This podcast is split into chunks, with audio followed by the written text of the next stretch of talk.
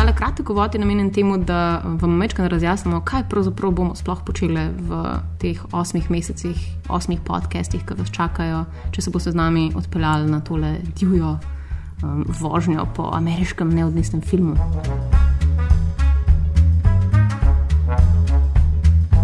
To bomo naredili tako, da bomo posneli osem podcastov ki bodo govorili o ameriškem neodvisnem filmu. Vsak podcast, približno en film, en obdobje in vse, kar se okrog njega dogaja. To pa zahvaljujoč ameriški ambasadi, eh, ki nam je odobrila tale projekt, da se lozi tukaj vežbamo in vežbamo vas v ameriškem neodvisnem filmu. Točno in v tem sklopu teh osmih podcastov vsi bomo. Uh, ogledali in bomo govorili o filmih kot so Shadows, Stranger Than Paradise, Eraserhead, Sex, Lies and Videotapes, Reservoir Dogs, Virgin Suicides, Shortcuts in še mnogi drugi. S tem, da bomo predstavljali te filme in pa režiserje, um, bomo pa tudi poskušali nekako risati en kontekst um, skozi sodobnike, skozi njihove sorodne filmske duše, socialno-politično, družbeno klimo in podobne stvari, ki mu bodo pomagali osvetliti dejstvo ameriškega neodvisnega filma. All right, Ramblers, let's get rambling. Štiri ženske, er en mikrofon, preveč filmov, preveč hormonov. I was wondering if I might trouble you for a cup of strong black coffee. Got some coffee. How do you take? Indie flow!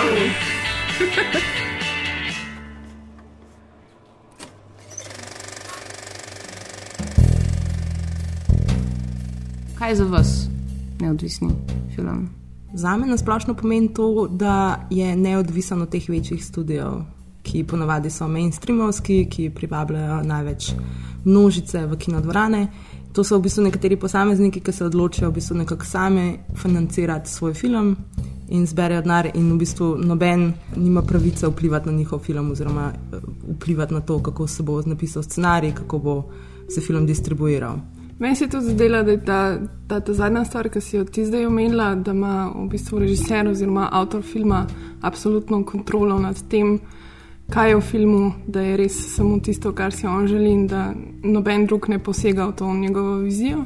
Se mi pa zdelo, da imajo pač neodvisni filmi, vsaj kot sem jih jaz gledala, so bili vsi dosto tudi tematsko, so se mi zdeli vedno podobni, pa so se dosto ukvarjali z nekimi podobnimi tematikami.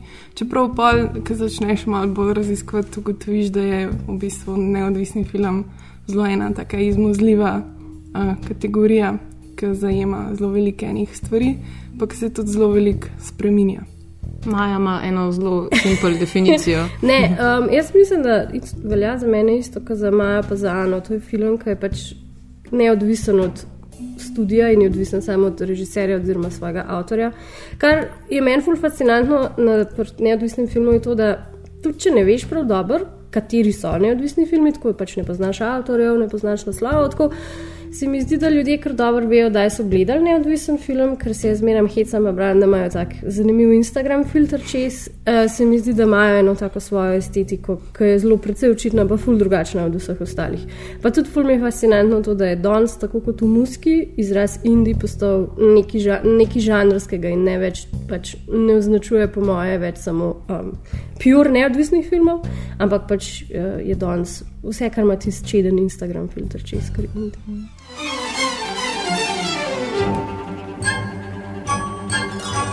Kako se pa, kot ste že prej omenili, um, s produkcijo, z načinom produkcije začel, začela, začela neka definicija um, neodvisnega filma v Ameriki?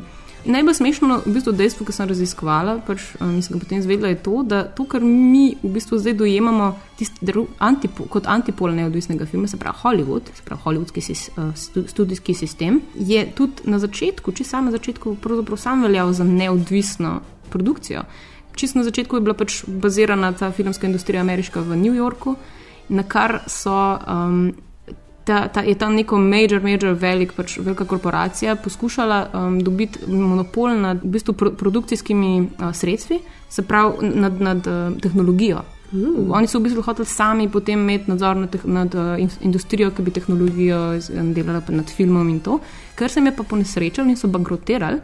Um, na kar so se pa potem ti ljudje, ki so pa hoteli sami delati, producenti, odločili, da bojo pač sami delali, so šli v Kalifornijo, ker je bila takrat pač wasteland, basically pač puščava, uh, res vode in Pa malo nič, palm. malo palm. In so jo uh, v bistvu takrat spremenili v neko svoj, nek svoj nov dom. Pro, način produkcije je bil potem to, oziroma plačati ni bilo treba tako veliko kot na vzhodni obali. ne. Tam je bilo pač preprosto čisto vse pocen, kot ljudje zdaj hodijo no, v Romunijo snemati filme zaradi tega. Ne. Ali pa v Slovenijo. Ja, upo- upajmo. Tako da so se v bistvu te, um, in se je tam potem iz teh prvih neodvisnih formiral Hollywood, sprav, uh, hollywoodski um, studijski sistem, ki je obsegal um, tako imenovane majorse, to je osem velikih studijev, ki so kraljevali v zlatem času v Hollywoodu od leta 1920 do nekje 50. Na ta pač hollywoodski sistem so se ljudje pač navadili in so, in so se mogli navaditi, zaradi tega, ker je, si je praktično zlastil vse načine um, prikazovanja filma, produkcije filma, lastili so si kinodvorane, lastili so si um, pač vso opremo. ne. Um, druga, druga zelo pomembna stvar je pa, pa zvezdniški sistem, s katerim so si oni praktično kupili ljudi um, in naredili zvezde, in potem s temi zvezdami uh, operirali, kot da so pač ne, njihova lastnina, in seveda so si posojali med sabo. Mm -hmm. In tako so oni v bistvu ohranjali monopol.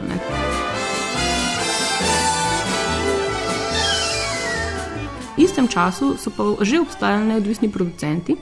Eden od teh prvih velikih je bil David O. Selznick, ki ga vsi poznamo, ker je pač uh, naredil film v vrtincu, pravi Gone with the Wind.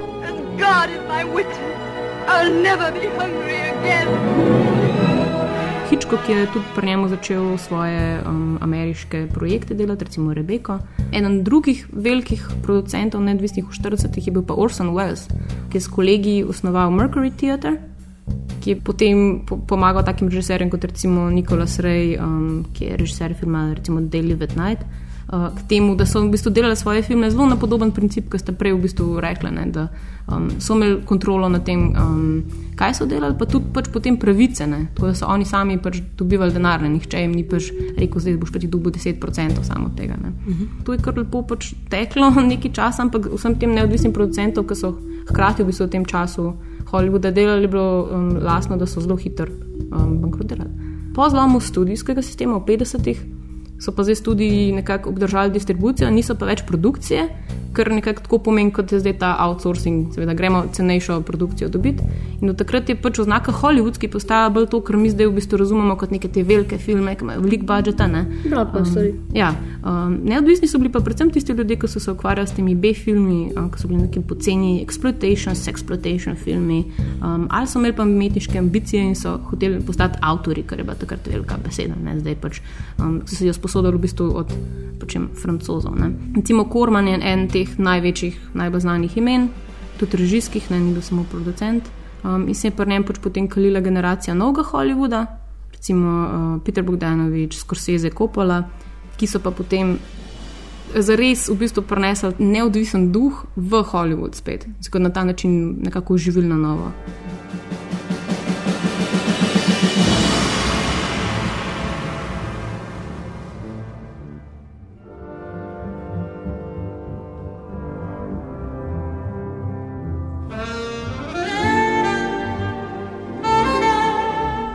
Potem že počasi pridemo do newyorške scene, kjer so pa verjeli v socialno angažirane filme, dokumentaristiko, tako pač cinema verite.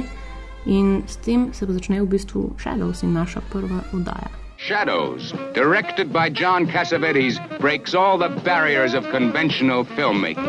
Ko boste pa poslušali naslednjo oddajo, boste pa zvedeli več o kompleksnostih in o tem, kako pa sploh nastane recimo zdaj ta ameriški um, neodvisni film nove, bistvu nove generacije, o katerem se bomo potem pogovarjali. Fulje konfuzno premišljati o Hollywoodu, kot da je bil on enkrat nek uh, neodvisen slash kontra sistemu, uh, sistem, which is insane, glede na to, kako ga danes poznamo. That's Ampak- really disturbing. Ni se to je neko, nek naraven pač Ja. krok stvari. Ne? Si francoski novi val, tudi so bili pač ti prvi novovalovci, so se uprli staremu sistemu, pač produkcijskemu.